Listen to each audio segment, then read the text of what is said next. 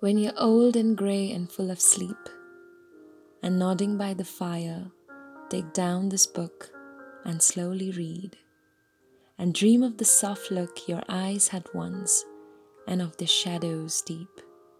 How many loved your moments of glad grace, and loved your beauty with love false or true?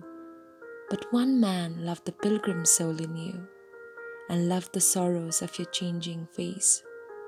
And bending down beside glowing bars, murmur a little sadly how love fled and paced upon the mountains overhead, and hid his face amid a crowd of stars.